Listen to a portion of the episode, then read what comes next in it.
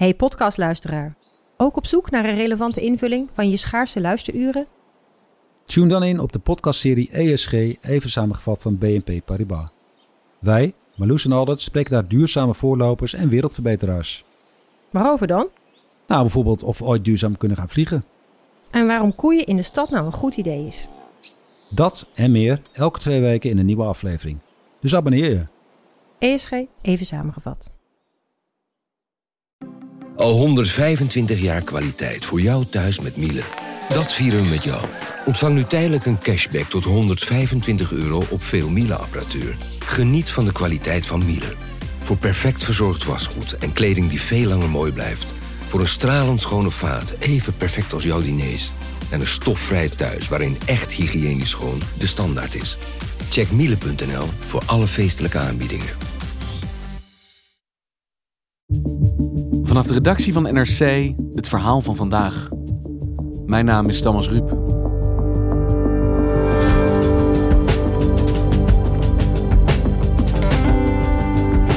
We noemen het de corona-spoedwet, maar het heeft een hele tijd geduurd.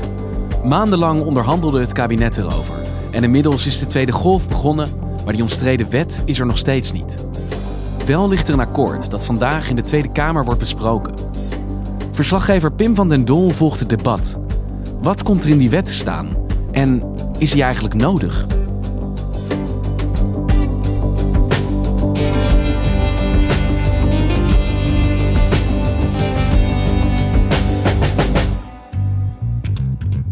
Houd anderhalve meter afstand. Vermijd drukte. Blijf thuis anderhalve meter afstand. En laat je testen. En laat je testen. Was je handen stuk. En laat je testen. en hoest in je elleboog. En gebruik papieren zakdoekjes. Was je handen En dat dus allemaal om te voorkomen dat ons land toch weer afstevend op een lockdown. Ik kan me voorstellen dat het u nu duizelt. U nu duizelt. Nu duizelt. Was je handen sterk. Vermijd drukte. En laat je testen. Hey Pim, heel fijn dat jij je bij ons wil voegen vanuit Den Haag en hier samen met wij wil komen schuilen voor de herfstregen. Ik moet bekennen, in de afgelopen tijd die cocktail van verordeningen, maatregelen, wetten, ik het spoor volledig bijster ben. Waar moeten wij het vandaag over gaan hebben? Nou, we gaan het vandaag hebben over eh, de coronawet. Een wet over de maatregelen rond het eh, coronavirus, eh, waar nou ja, maandenlang over is gesproken en onderhandeld. In het voorjaar was het idee dat de wet heel snel gemaakt moest worden. Toen kwam die ook wel bekend staan als de spoedwet. En afgelopen donderdag sloot de coalitie en de oppositie een akkoord over de wet. En wat gaat er dan vandaag gebeuren? Ja, vandaag en morgen wordt er dus in de Tweede Kamer uitgebreid over het wetsvoorstel gesproken. Nou, dan wordt dus ook duidelijk welke partijen de wet precies kunnen steunen. Uh, nou is het natuurlijk al wel duidelijk, hè, er is van tevoren onderhandeld, dus dat er voldoende steun zal zijn. Maar er zal echt nog voldo uh, voldoende te bespreken zijn over, uh, over alle details van hoe, hoe de maatregelen en de wet in de praktijk gaan werken.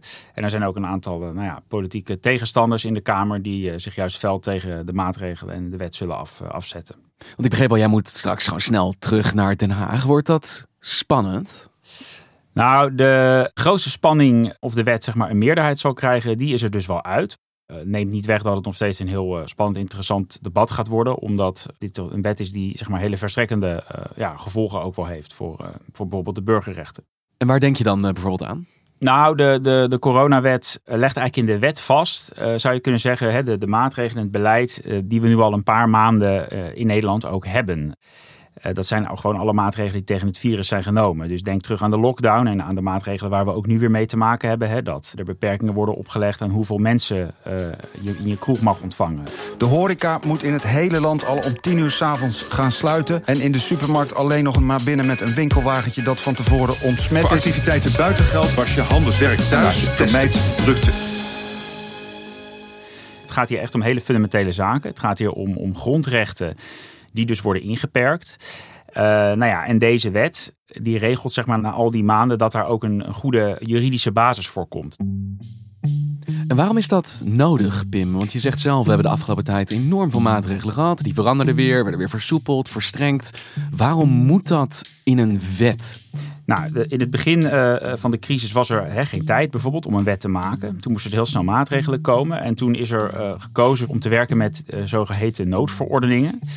Die worden eigenlijk normaal gesproken alleen in korte crisissituaties gebruikt. Vaak lokaal. Denk bijvoorbeeld aan oud en nieuw kondigen veiligheidsregio's bijvoorbeeld beperkingen af. Dus dat je na een bepaalde tijd niet meer op straat mag, of geen alcohol meer mag drinken, of niet meer met heel veel mensen mag samenkomen. Ja, dat geldt dan voor oud en nieuw, maar dat hoef je niet vast te leggen voor het hele jaar. Nee, precies. En dat geldt altijd maar meestal maar voor een paar uur of een paar dagen, of desnoods in een uh, uitzonderlijk geval een paar weken.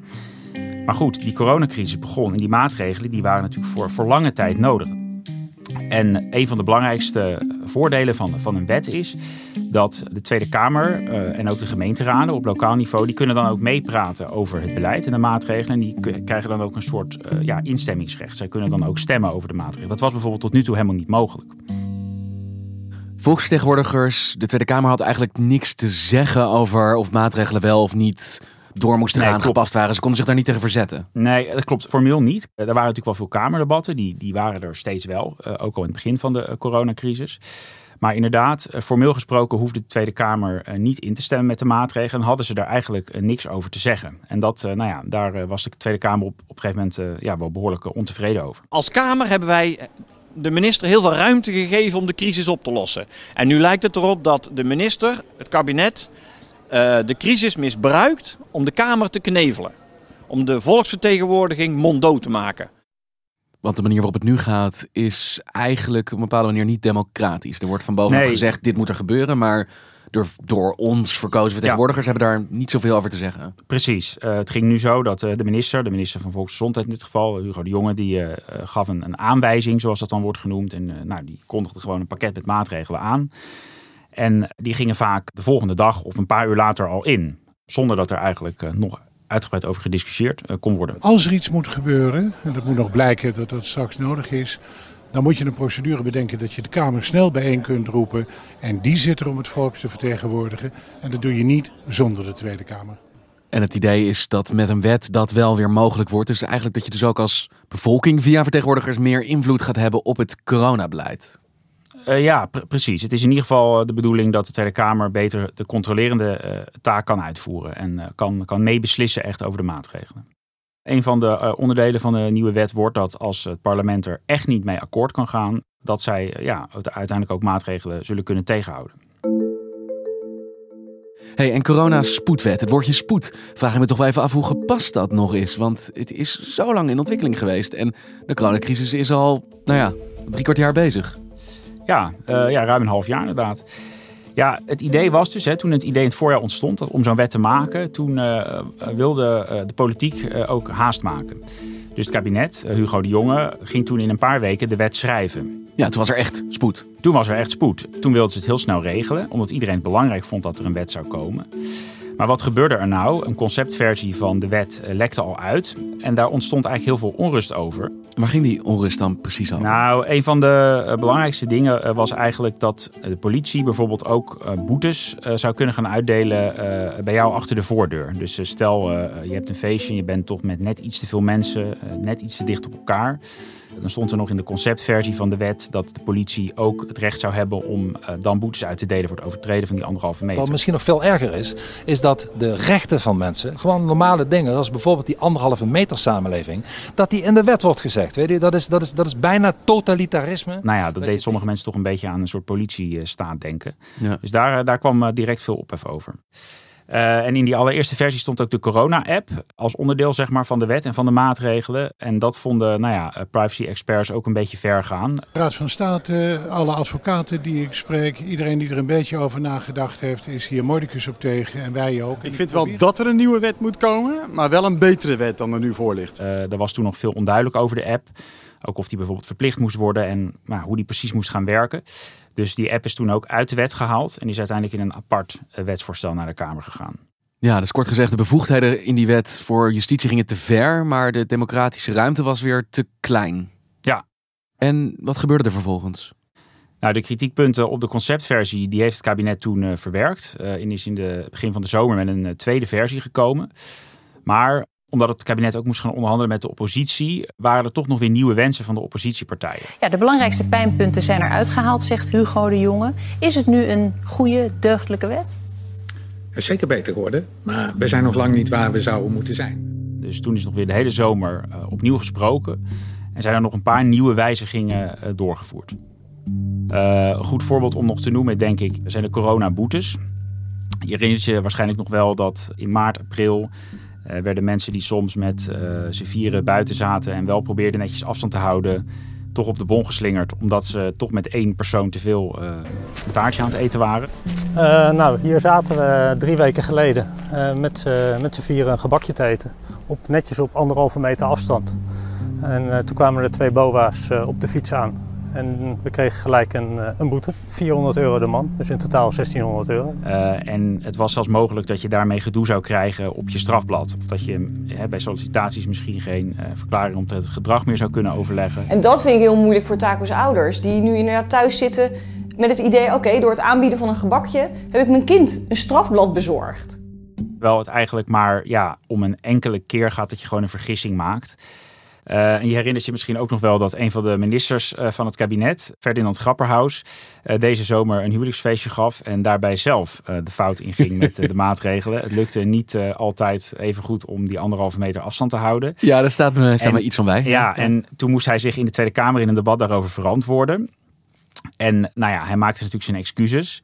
Maar de oppositie speelde het toen wel slim, want die wilde al langer dat die boetes lager zouden worden. Dus toen heeft de oppositie aan Grapperhaus gevraagd van joh, regel dat nou, zorg dat ook andere mensen geen hoge boete krijgen en geen last meer krijgen met, uh, met een strafblad. En dat is toen gebeurd. Um, een andere wijziging is uh, de duur uh, van de wet. Het kabinet uh, wilde de wet oorspronkelijk wel voor een jaar laten gelden. Maar dat vonden uh, de Tweede Kamer en ook juristen eigenlijk veel te lang. Want ja, uh, wie weet nou precies hoe lang deze crisis nog gaat duren. misschien is het binnen een paar maanden wel voorbij. Dus uiteindelijk is besloten dat de wet in principe voor drie maanden gaat duren. En dat die daarna, als het nodig is, nog kan worden verlengd.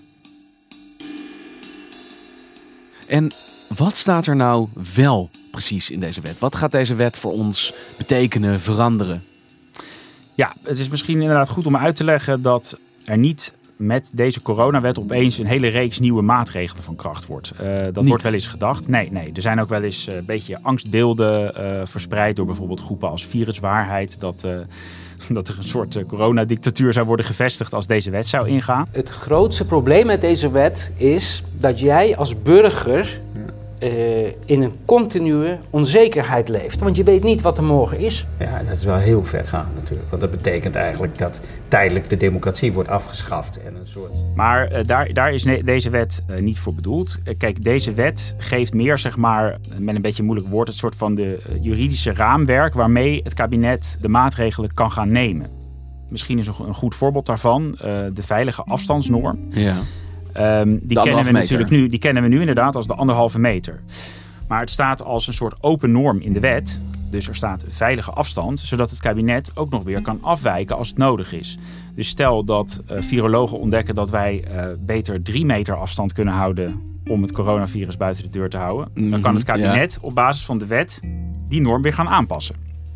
Dus eigenlijk schrijft de wet de ruimte voor uh, de soort maatregelen die de overheid kan nemen, maar niet welke maatregelen dat precies zijn. Precies. De wet geeft het kabinet zeg maar een, een reeks eigenlijk van, van, van opties waarmee ze maatregelen tegen het coronavirus kunnen nemen. Je moet je voorstellen, er was gewoon geen enkele wet in Nederland die berekend was op de maatregelen en op een pandemie zoals we die tot nu toe hebben gehad. Nee, het woord afstand tussen mensen was niet iets wat eerder in onze wet heeft hoeven staan. Nee, nee. En het op zulke grote schaal verbieden van bijeenkomsten uh, of het dichtgooien van scholen, horeca, dat, dat stond gewoon nog niet in, die, in zo'n wet. Nee. Je begon dit gesprek door ook te zeggen dat het invoeren van maatregelen uh, met zo'n wet democratischer zou worden dan de manier waarop dat nu eigenlijk gaat. Hoe is dat democratische gehalte dan vastgelegd in deze wet? Op welke manier moet dat gebeuren? Ja, nou, als het kabinet een nieuwe maatregel wil nemen, dan kiezen ze, een beetje technisch, maar voor een, een ministeriële regeling. Daar wordt de maatregeling dan, dan in opgeschreven. Oké. Okay. En die wordt dan naar de Tweede Kamer gestuurd. En de Tweede Kamer krijgt dan in principe een week de tijd om op de maatregelen nog te studeren uh, en er misschien een debat over te houden, er nog over te stemmen. En pas als de Tweede Kamer echt akkoord heeft gegeven, dan kunnen de maatregelen in principe van kracht worden. En tegelijkertijd Tegelijkertijd zitten we natuurlijk wel in een coronacrisis waarin de situatie dagelijks verandert. Ik kan me voorstellen dat er soms op hoge snelheid uh, maatregelen moeten worden doorgevoerd. Is er tijd voor zo'n democratisch proces? Nou, dat is dus heel interessant wat je nu zegt, want uh, het is eigenlijk nog maar de vraag of de, deze gewone structuur zoals die nu in de coronawet staat, of die in de praktijk wel helemaal gaat werken. Want misschien is het leuk om even terug te gaan naar vorig weekend. Toen moest het kabinet opeens weer binnen een paar dagen beslissen hè, om forse landelijke maatregelen te nemen. Vanaf morgen geldt landelijk voor alle horeca de laatste inloop om 9 uur s avonds en sluiten om 10 uur. Nou, de, het, het, kabinet kondigde die maatregelen op maandag op een persconferentie aan en ze gingen 24 uur later in. Als de Tweede Kamer nog een week lang tijd zou uh, nemen uh, of krijgen om op die maatregelen te studeren, erover te praten en erover te stemmen, ja, dan zou natuurlijk veel te veel tijd verloren gaan. Dus in dit soort noodsituaties, waarbij er eigenlijk geen tijd is om de, de Tweede Kamer nog een week lang de ruimte te geven, dan uh, is er afgesproken dat de maatregelen toch alvast van kracht worden en dat de Tweede Kamer dan achteraf ze eventueel nog mag terugdraaien. Hey, dit is dus het eindresultaat van maandenlang onderhandelen, horen wat de oppositie wil, kijken wat er nodig is. En hiervan denkt het kabinet, nou, hier gaan we een akkoord voor vinden. Wat moet er dan de komende twee dagen nog gebeuren? Wat staat er dan nu nog op het spel? Als eigenlijk al duidelijk is, dit gaat er doorheen komen. Ja, nou, uh, het, is, het lijkt een beetje gek natuurlijk. Er is vooraf al een meerderheid. Dus je zou kunnen zeggen, waarom gaan we nog debatteren? Maar er zijn nog heel veel vragen natuurlijk die gewoon te stellen zijn in, in zo'n debat. En uh, er zullen ook echt nog wel, denk ik, pittige discussies zijn hè, tussen de, de voor- en ook de felle tegenstanders van deze wet. In de afgelopen weken heb ik massale berichten gekregen over die coronaspoedwet. Zo die wet waarbij de overheid een beetje voor dictatortje wil spelen. Er zijn heel veel redenen om die wet zo snel mogelijk de prullenbak in te gooien. Dus wij zeggen, weg met die spoedwet. Wegwezen. Zij hebben de wet ook echt afgeschilderd als van, nou ja, dat is allemaal verschrikkelijk als dat doorgaat. En dan krijgt minister De Jonge, wordt een soort dictator die veel te veel macht krijgt. Uh, en de maatregelen deugen niet. Dus zij hebben zich heel erg daar eerder al tegengekeerd. En zullen dat zeker in het debat ook opnieuw doen. Ik verwacht ook dat de discussie over de mondkapjes nog wel weer aan de orde zal komen in het debat. Het kabinet heeft vorige week natuurlijk eindelijk gezegd van, uh, nou, we geven toch een dringend... Dringend wordt geadviseerd om in publieke binnenruimtes een mond-neusmasker te gebruiken. En dan zullen er heel veel vragen Maar het is toch nog een beetje onduidelijk voor mensen, denk ik. En daarom verwacht ik vanuit de Tweede Kamer nog wel wat kritiek op die opstelling van het kabinet. En zullen partijen wel aan het kabinet vragen van, nou, is het nou niet beter om met deze wet ook in de hand toch voor een verplichting van die mondkapjes te gaan? En die wet moet er daarvoor dus wel eerst komen. Uh, de meerderheid leek er vorige week te zijn. De komende twee dagen wordt erover gesproken. Wat is dan het vervolg? Wanneer zou deze wet ingevoerd kunnen worden? Wanneer moeten we ons hier ook aan gaan houden? Nou, oorspronkelijk wilde het kabinet dus al dat de wet voor de zomer zou ingaan. Nou, dat is dus helemaal mislukt. Um, nu uh, wordt er deze week over gedebatteerd in de Tweede Kamer. Volgende week dan over gestemd. Want dan moet ook de Senaat, de Eerste Kamer, de wet nog bespreken.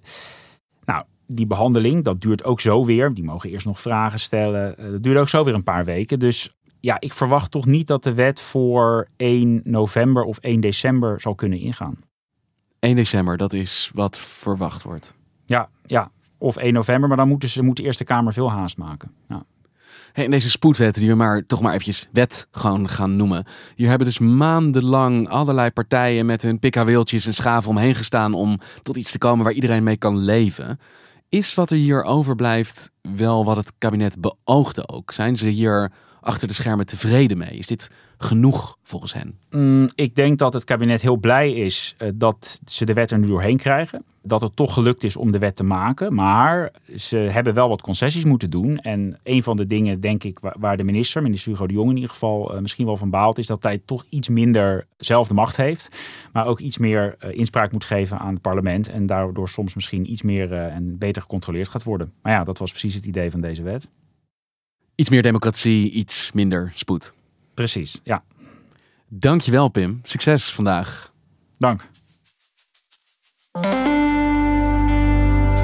Je luisterde naar vandaag, een podcast van NRC. Eén verhaal, elke dag. Dit was vandaag, morgen weer.